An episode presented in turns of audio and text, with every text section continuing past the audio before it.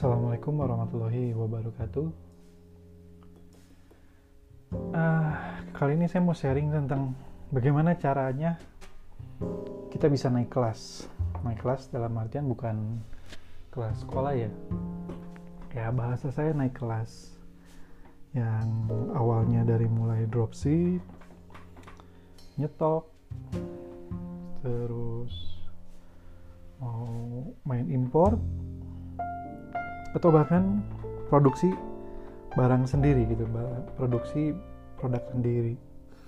Saya udah ngalamin semua fase itu karena mulai dari ya dropship ya nyetok ya import ya kayak sekarang produksi barang sendiri gitu. Saya udah ngalamin semua fase itu.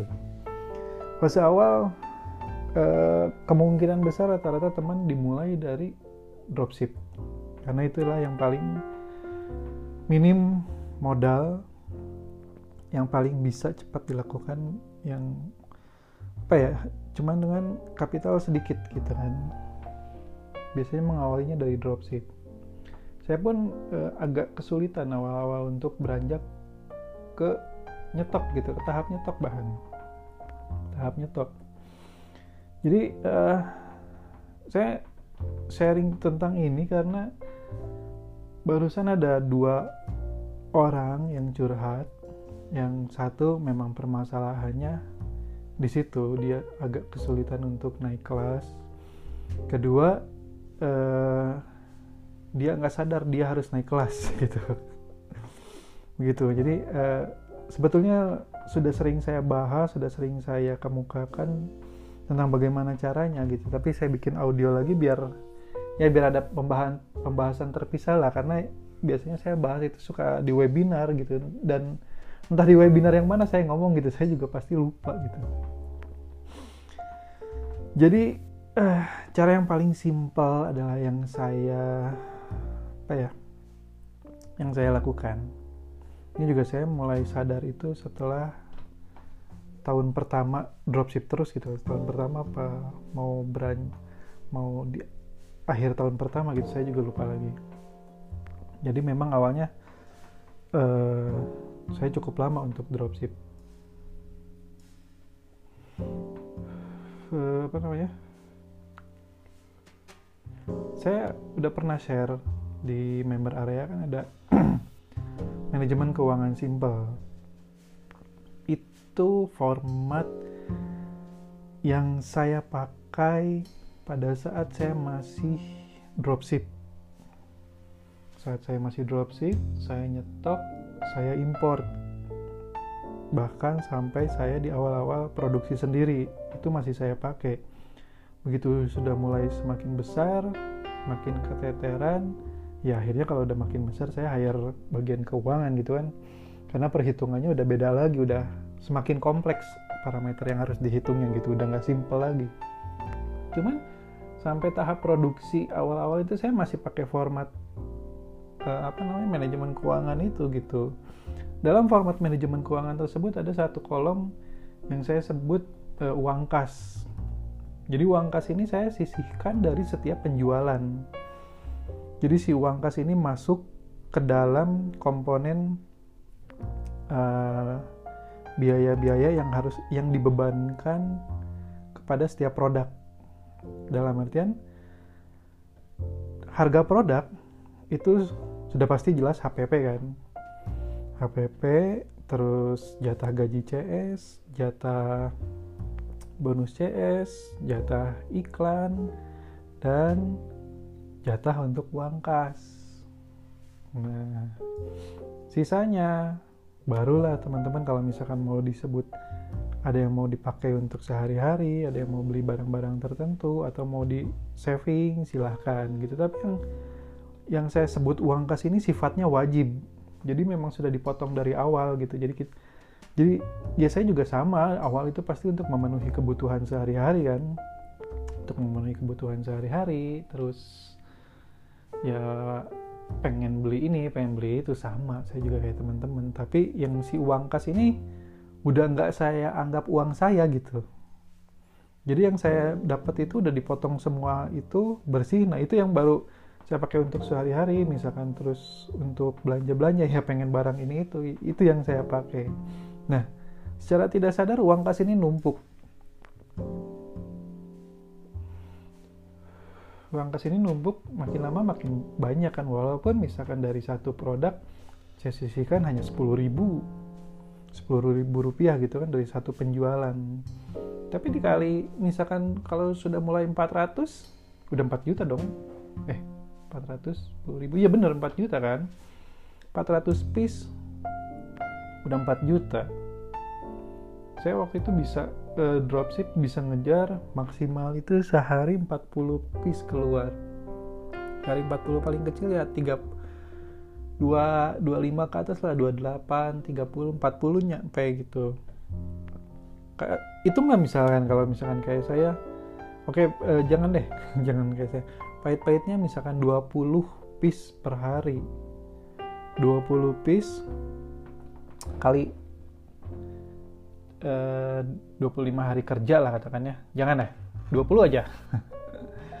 Nih kita bicara jelek-jeleknya aja gitu kan. 20 kali 20 udah 400 tuh sebulan. 20 piece per hari 20 hari kerja selama sebulan udah keluar 400 dikali 10 ribu. Itu udah 4 juta. Uang kas dalam sebulan.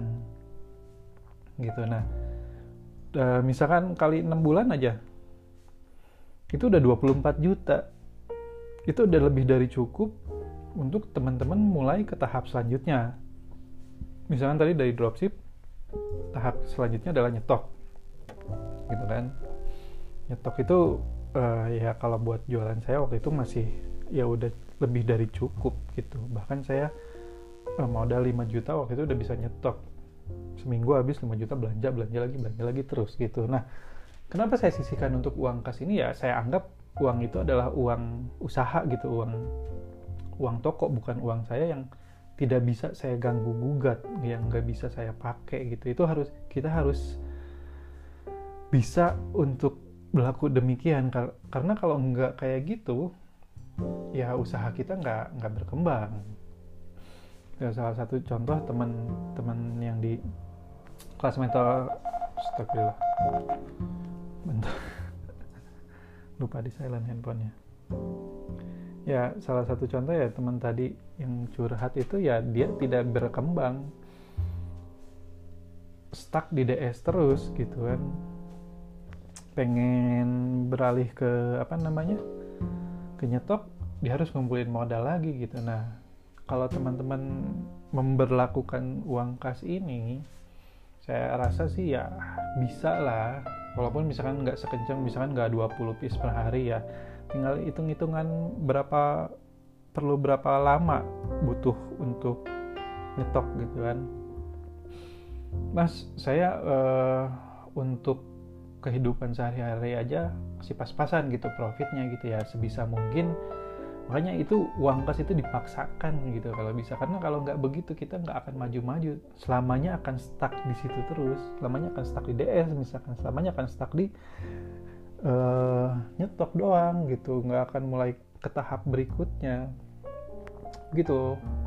Jadi uh, sebisa mungkin paksakan untuk sisihkan apa ya hasil penjualan masuk ke uang kas gitu ya. Minimal sepuluh ribu lah sepuluh ribu saya rasa nggak berat kalau misalkan memang kayak saya jualan yang margin ya yang produk utamanya marginnya seratus ribu gitu seratus ribu kalaupun 50.000 margin bersihnya ya ya mungkin bisa dikurangin lah. Uang kasnya 5.000 kayak atau mau dipaksa di 10.000 juga nggak apa-apa. Teman-teman yang bisa berhitung sendiri yang tahu kondisi uh, kondisi dirinya gitu kondisi keluarganya butuhnya berapa tapi sebisa mungkin paksakan sisihkan uang untuk uang kas gitu. Sama begitu. Terus mulai dari udah mulai nyetok uang kas tetap ada terus-terus begitu mulai import uang kas ada. Lalu mulai di tahap produksi pun saya mulainya dari uang kas itu maklun. Waktu itu baru mulai maklun dulu. Ah saya mau bikin produk ini nah, maklun aja deh gitu kan. Udah ada modal kan. Kan karena kalau apa ya kita produksi kan biasanya ada minimal quantity kan minimal quantity itu ya dengan uang kas yang ada sudah tertutupi gitu. Yang kedua uang kas ini selain saya pakai untuk modal belanja barang untuk eh, apa namanya untuk produksi itu kan nanti juga biasanya kan kalau teman-teman udah ya saya harap sih kalau profitnya udah makin meningkat lifestyle-nya juga jangan meningkat gitu kan karena berat. Profit meningkat lifestyle meningkat nggak nggak kelas kita nggak naik naik juga gitu kan. Profit meningkat lifestyle tetap ada saving ya modal kita jadi makin besar gitu. Eh yang kedua uang kas ini saya pakai untuk riset. Untuk riset produk. Misalkan ada produk nih yang mau saya jual atau kira-kira saya butuh sampel nih saya pakai uangnya dari situ dari uang kas gitu. Jadi nggak ngambil dari uang yang lain. Riset produk terus riset iklan nyoba nyobain ini itu nyobain macam-macam nyobain ini itu semuanya dari uang kas gitu. Jadi kadang-kadang dari uang kas saya bisa hampir nothing tulus gitu. Loss 10 juta ya udah tapi kan nggak ganggu uang buat keluarga kan nggak mengganggu uang untuk sehari-hari gitu kan loss 10 juta karena ngambilnya dari uang kas gitu. Kalau untung ya bagus begitu kan tapi ya buat saya kalau udah masuk uang kas itu jadi dipakai untuk apa ya riset iklan itu udah nothing tulus gitu. Jadi eh, kesimpulannya adalah sebisa mungkin teman-teman memaksakan diri memisahkan profit menyisihkan profit untuk uang kas gitu. Karena itu yang dipakai untuk riset produk riset iklan dan eh, modal untuk naik ke tahap selanjutnya gitu. Jangan sampai stuck di situ terus. Masa mau udah bertahun-tahun mau begitu terus? Masa bertahun-tahun mau DS terus nggak pengen apa punya produk sendiri gitu kan? Kayak gitu. Itu masalah kapital ya terlepas dari masalah teman-teman punya ide atau enggak tapi secara kapital teman-teman harus bisa memperkuat gitu. Oke? Semoga bermanfaat buat teman-teman Semoga teman-teman yang tadi masih DS bisa naik kelas nyetok, dari yang nyetok sudah bisa naik kelas, jadi uh, produksi sendiri gitu ya. Mudah-mudahan udah udah nggak ada yang import lagi. Mau import silahkan, tapi kayak saya juga masih import, tapi saya import lebih ke alat-alat untuk produksi, alat-alat untuk bikin barangnya, lalu bahan baku yang memang di kita nggak ada atau bahan baku yang memang ternyata jauh lebih murah kalau kita import gitu. Begitu teman-teman. Oke terima kasih. Semoga bermanfaat. Assalamualaikum warahmatullahi wabarakatuh